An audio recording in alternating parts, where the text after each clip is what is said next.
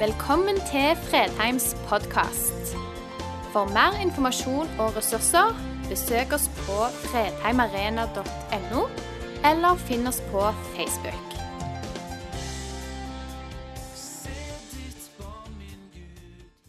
En av de tingene som står igjen som eh, sunnhetstegn på vår fysiske helse, det er vårt behov og et ønske etter mat.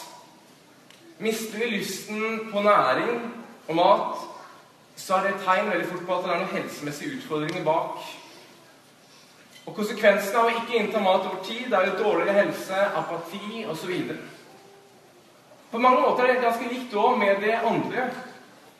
Velger vi vekk uten ønske for åndelig mat, velger fort vekk Bibelen, velger vekk bønn, vekk de livsnære fellesskapene, vekk lovsangen, vekk tilbedelsen. Og konsekvensene tror vi kanskje er at det ikke vil være så store. Men før vi vet ordet av det, så rammer det oss totalt. Fordi rommene vi ga Gud til tale inn i livene våre, fjernes og erstattes av mer av det samme. Og sakte, men sikkert mister saltet sin kraft i vårt liv. Sist lørdag i Vårt Land sto en artikkel som baserte seg på et intervju med en professor i religionsfilosofi og professor i psykologi. Tittelen for artikkelen het 'Hele byrden på menneskets skuldre'. Med undertittelen 'Når Gud defineres ut av kulturen og menneskers liv, kommer prestasjonspresset, terapikulturen og selvopptattheten inn for fullt'. Og Professoren sier da i psykologi at det har skjedd et moralsk skifte. og Han sier terapikulturen lover mennesket frigjøring ikke ved å gå veien om Gud eller en annen størrelse som står over mennesket, men gjennom selve, gjennom seg selv, ene og alene. Og Rettesnoren blir følelsen. Hvordan kjennes dette for meg? Målet er ikke lenger frelse, men helse. Å lykkes. La meg stille deg et spørsmål. Hvor finner du håp? Har du håp? Hva får deg gjennom de stundene av livet som ble vanskeligere enn du hadde forventet? Vi snakker ikke så mye om håp lenger. Kanskje altfor lite. For alt ruller og går så greit og så greit inntil det da ikke gjør det lenger. Og håp blir essensielt. Hvor finner du det? Hvor finner du håp? De gangene i livet hvor du har behov for å klamre deg til noe så får dette fortsette å gå. John Maxwell, pastor og forfatter, har sagt Where there is no hope in the future, there is no power in the present. Der det ikke er noe håp i fremtiden, er det heller ikke noe kraft i nåtiden. Jeg tror det er mye sant. Når håpet vårt for fremtiden forsvinner, kanskje fordi vi ikke føler vi trenger lenger, for alt går jo så bra, så forsvinner òg kraften som kirke i nåtiden. Konsekvensene blir fort det samme som ved sykdom. Vi slutter å ta til oss den maten vi trenger for vår tro. Og sakte, men sikkert påvirker det vår relasjon til Gud. Og sakte, men sikkert bare blekner det mer og mer og mer ut. Jeg hørte på samtaler på radioen for ikke så lenge siden. Jeg husker ikke hvor, men jeg skulle på en måte skrive ned. og tenkte at dette her må ha vært NRK P2. De snakket om ulike parametere en kunne bruke for å beregne sannsynlighet for borgerkrig, opprør og revolusjon i et land. Og En av de faktorene som var helt tydelige, var at når arbeidsledigheten steg over et visst nivå blant unge menn som ikke lenger så fremtid i sikte, så var det en tydelig faktor at nå er det like før. Det er et eller annet som bryter løs i det samfunnet. Du skjønner, håp er essensielt. Jeg er ikke sikker på at mangel på håp i et kirken betyr opprør, men jeg er kanskje helt sikker på at det betyr en kraftløs og kanskje en døende kirke. Jürgen Moltmann En teolog som ble, kjent, som ble kjent for sin 'Theology of Hope' jeg tror det var på 1960-tallet eller noe, som jeg husker jeg leste om under studiet og ble veldig fascinert av. Det var en god del ting han sa som jeg ikke var enig i. Så var det noe utrolig fascinerende med måten han fortalte evangeliene og historien rundt Guds folk. Og han tenker at Gud er en Gud som leder folket sitt inn i framtiden. Han så det gjennom Gammeltestamentet. Og at disiplene i Nytestamentet var mennesker som virkelig hadde blitt fanget av dette eschatologiske håpet. Alt å lov å leve evig med Gud.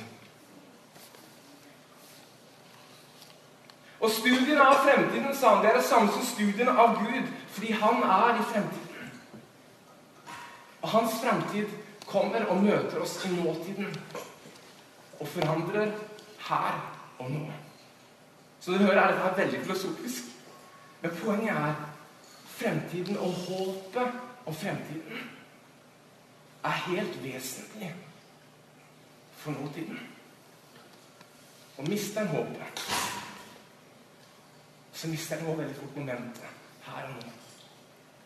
I Kolossebrevet 3 står det Er du har reist opp med Kristus, så søk da det som er der oppe. Og Kristus sitter ved Guds høyre hånd. La sinnet være vendt mot det som er der oppe, ikke mot det som er på jorden. Så hva definerer håp, da?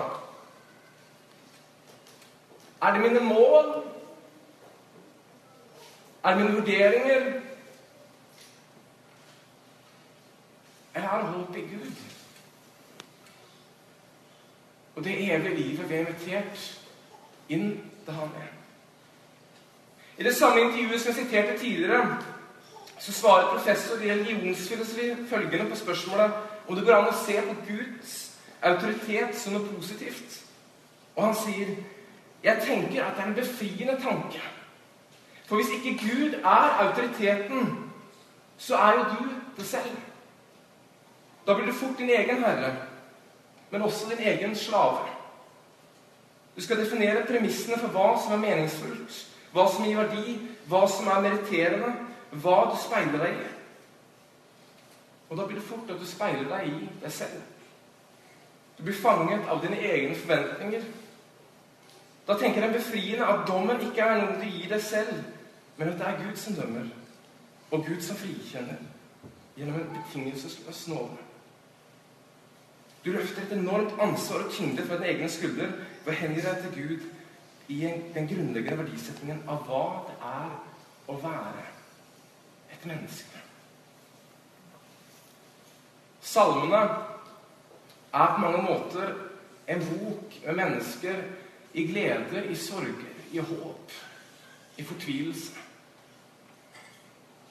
Mennesker som strever av at de må finne mening og håp i spenning mellom Gud og livet, i gode dager og i mer trøblete dager. Vi leser fra Salme 42.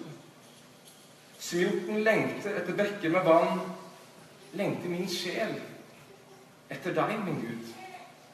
Min sjel tørster etter Gud, etter en levende Gud. Når skal jeg få komme fram for Hans Guds ansikt? Tårer er mitt brød dag og natt. Hele dagen spør de meg, hvor er din Gud?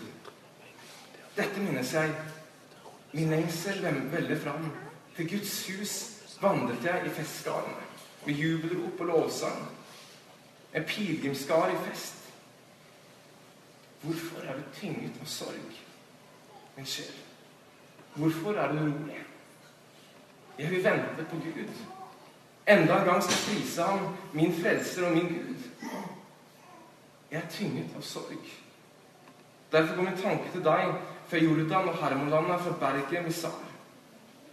Dyp roper til dyp i drømmene av ditt fossefall. Alle dine bølger og brenninger skyller over meg. Herren sender sin godhet om dagen. Sangen hans er hos meg om natten. En bønn til mitt livs Gud. Jeg sier til Gud, min klippe, hvorfor har du glemt meg? Hvorfor må jeg gå og sørge mens fiendene plager meg? Fiendenes hån går gjennom marg og bein. Hele dagen sier de, 'Hvor er din Gud?' Hvorfor er du tynget av sorg, min sjel? Hvorfor er du urolig? Jeg vil vente på Gud. Enda en gang skal jeg prise ham, min frelser og min Gud. Så denne salmisten så kan og våre liv ha blitt knust ned av ulike omstendigheter. Som ikke er slik vi håpet at de skulle være. Livet kan være hardt, og vi bærer med ting, de fleste oss, som en skulle ønske en ikke hadde båret på. For ofte, særlig når vi har det tøft, så tror jeg vi for, for kjapt ser omkring oss og tenker at alle klarer dette livet bedre enn meg. Det er visst jeg som er utskuddet. Det kan gå på depresjon, ensomhet, sorg, sykdom, tap, ekteskapsutfordringer, økonomi. Men så tror jeg vi gjør de vurderingene altfor lett. Fordi de tunge tingene i livet, som hver og en av oss bærer på, er ikke det første vi viser fram. Det er ikke det første du ser. Du ser ofte ikke før du kommer tett på mennesker. Jeg skal ta et eksempel fra mitt liv. Dere ville ikke visst at om fire dager før nå 14. juni så er det en markeringsdag for min families liv. Ikke en positiv markering, men det er dagen for ett år siden hvor mamma plutselig ble dårlig. Havnet på sykehus og vi begynte å reise med henne i fem måneder, så endte med at hun døde i hjernekreft. Men du ville sannsynligvis ikke visst det hvis jeg ikke sa det til deg. Eller hvis ikke du visste det godt nok, eller kjente meg godt nok til å vite det. Og hvis jeg ikke sa det, så ville du heller sannsynligvis ikke visst at det siste halvåret dermed har vært kanskje det tyngste halvåret i mitt liv. Men for folk som ikke kjenner meg, så kan han se helt topp strålende ut. Men det har ikke vært det. Det har vært mange tårer. Hvorfor forteller jeg dette? Fordi de fleste menneskene kjemper med ting i sitt liv som er tunge, men som flesteparten av oss ikke ser. Vi har noen erfaringer i vår familie. Andre familier har mye mer. Jeg tror ikke vi skal gå rundt og måle oss med hverandre og tenke at alle andre presterer livet bedre enn jeg gjør. For du aner ingenting om det. Sammenligne oss med andre funker ikke. Fordi For det første ser vi ikke hele bildet. For det andre hjelper det ikke. Men de gjør det derimot å fokusere på håpet. I den situasjonen vi gikk inn med mamma, så var håpet på det evige liv Det ble plutselig tent og fullt for fullt.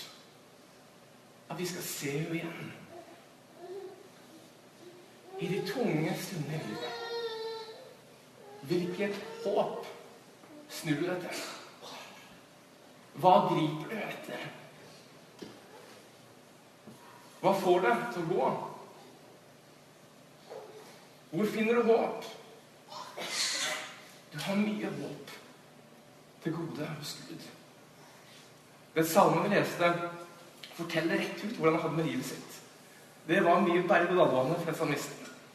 Tårer er mitt brød. Dag og natt hele dagen spør meg hvor er din Gud?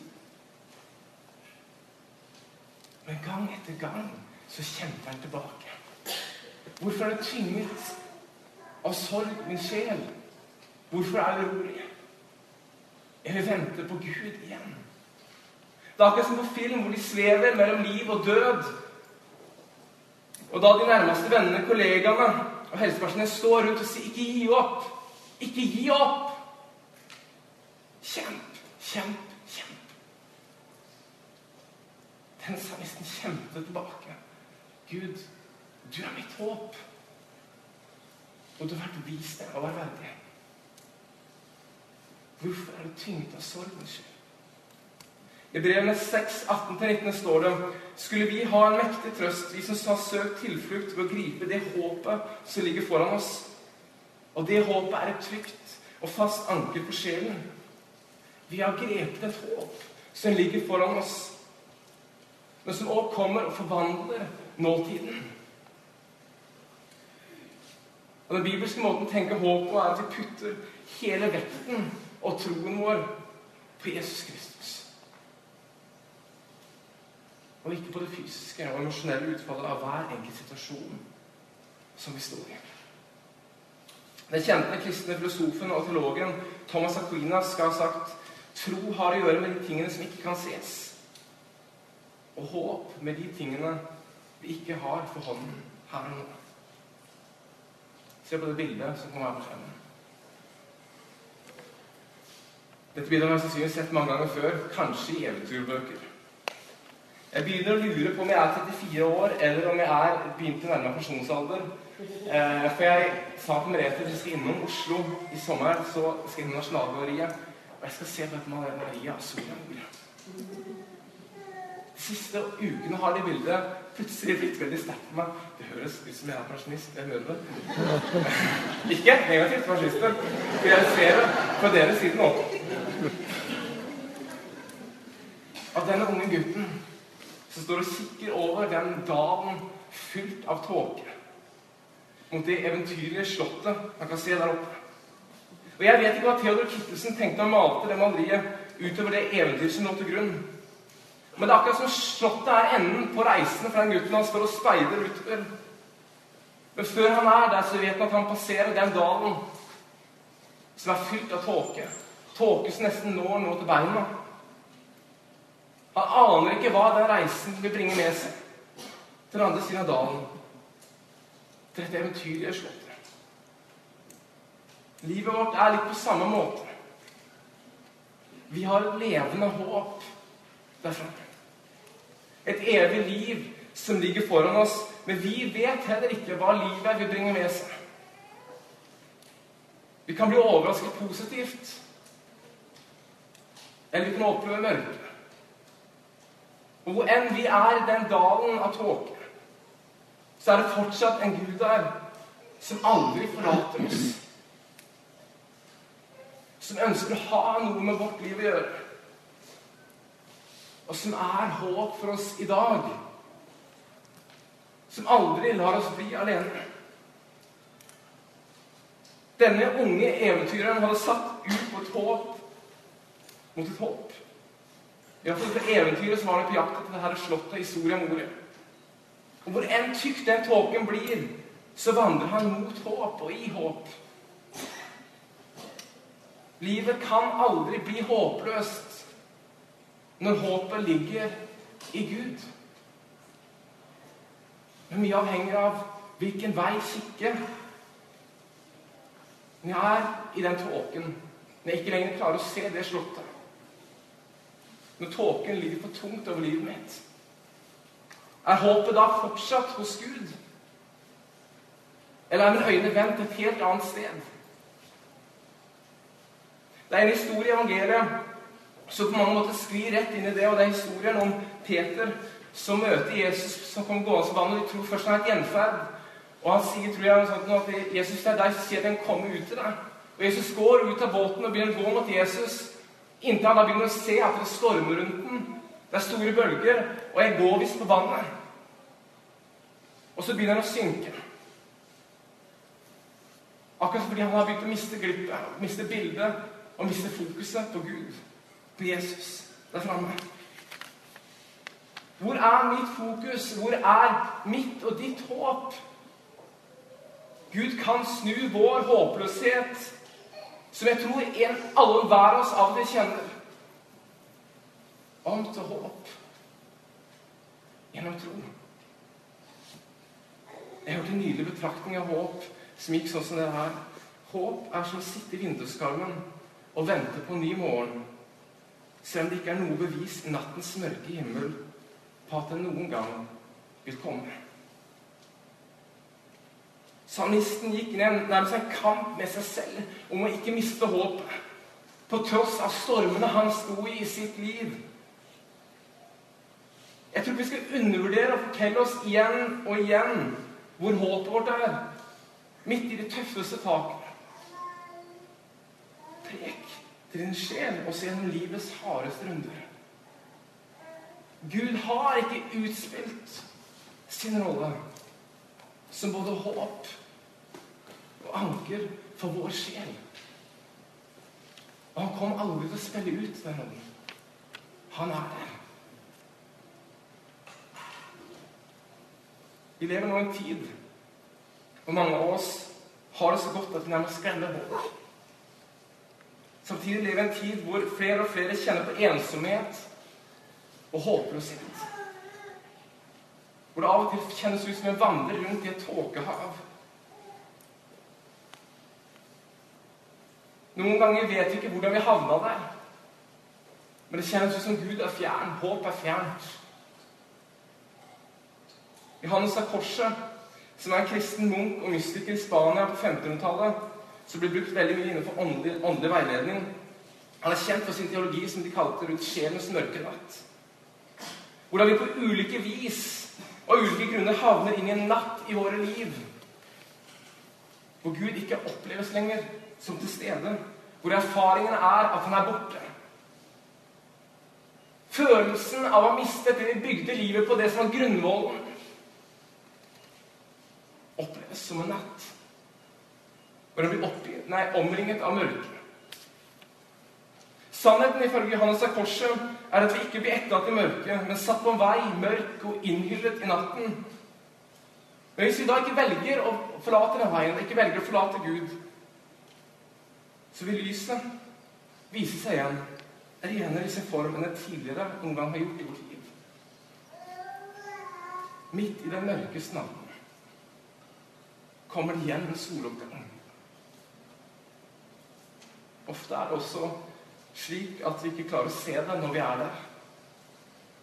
Hvordan Gud jobba midt i de krisene vi sto i. Midt når det var som tøffest. Jeg vet ikke hvor du er i dette bildet. Det vet du bedre enn meg. Om du står på tuppen og ser utover mot håp, eller om du ikke klarer å se håpet i det hele tatt. Eller du opplever deg langt nede i en tåkehav hvor alt bare oppleves mørkt. Det eneste jeg vet, er at for den som har håp, og som fortsetter å kjempe med Gud, så blir han aldri etterlatt i mørket alene. Det finnes et lys, og det finnes et håp gjennom den tunnelen. Og det har kraft også til å forandre det du står i midt nå.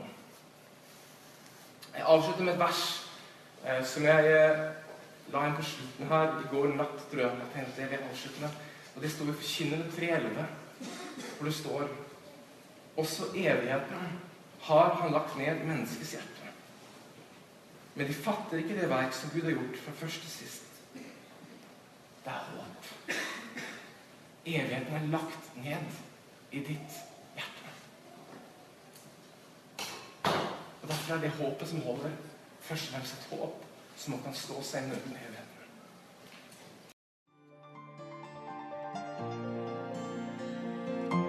Takk for at du valgte å høre på. Nye opptak legges ut hver uke. Vi har gudstjenester hver helg, og du er hjertelig velkommen.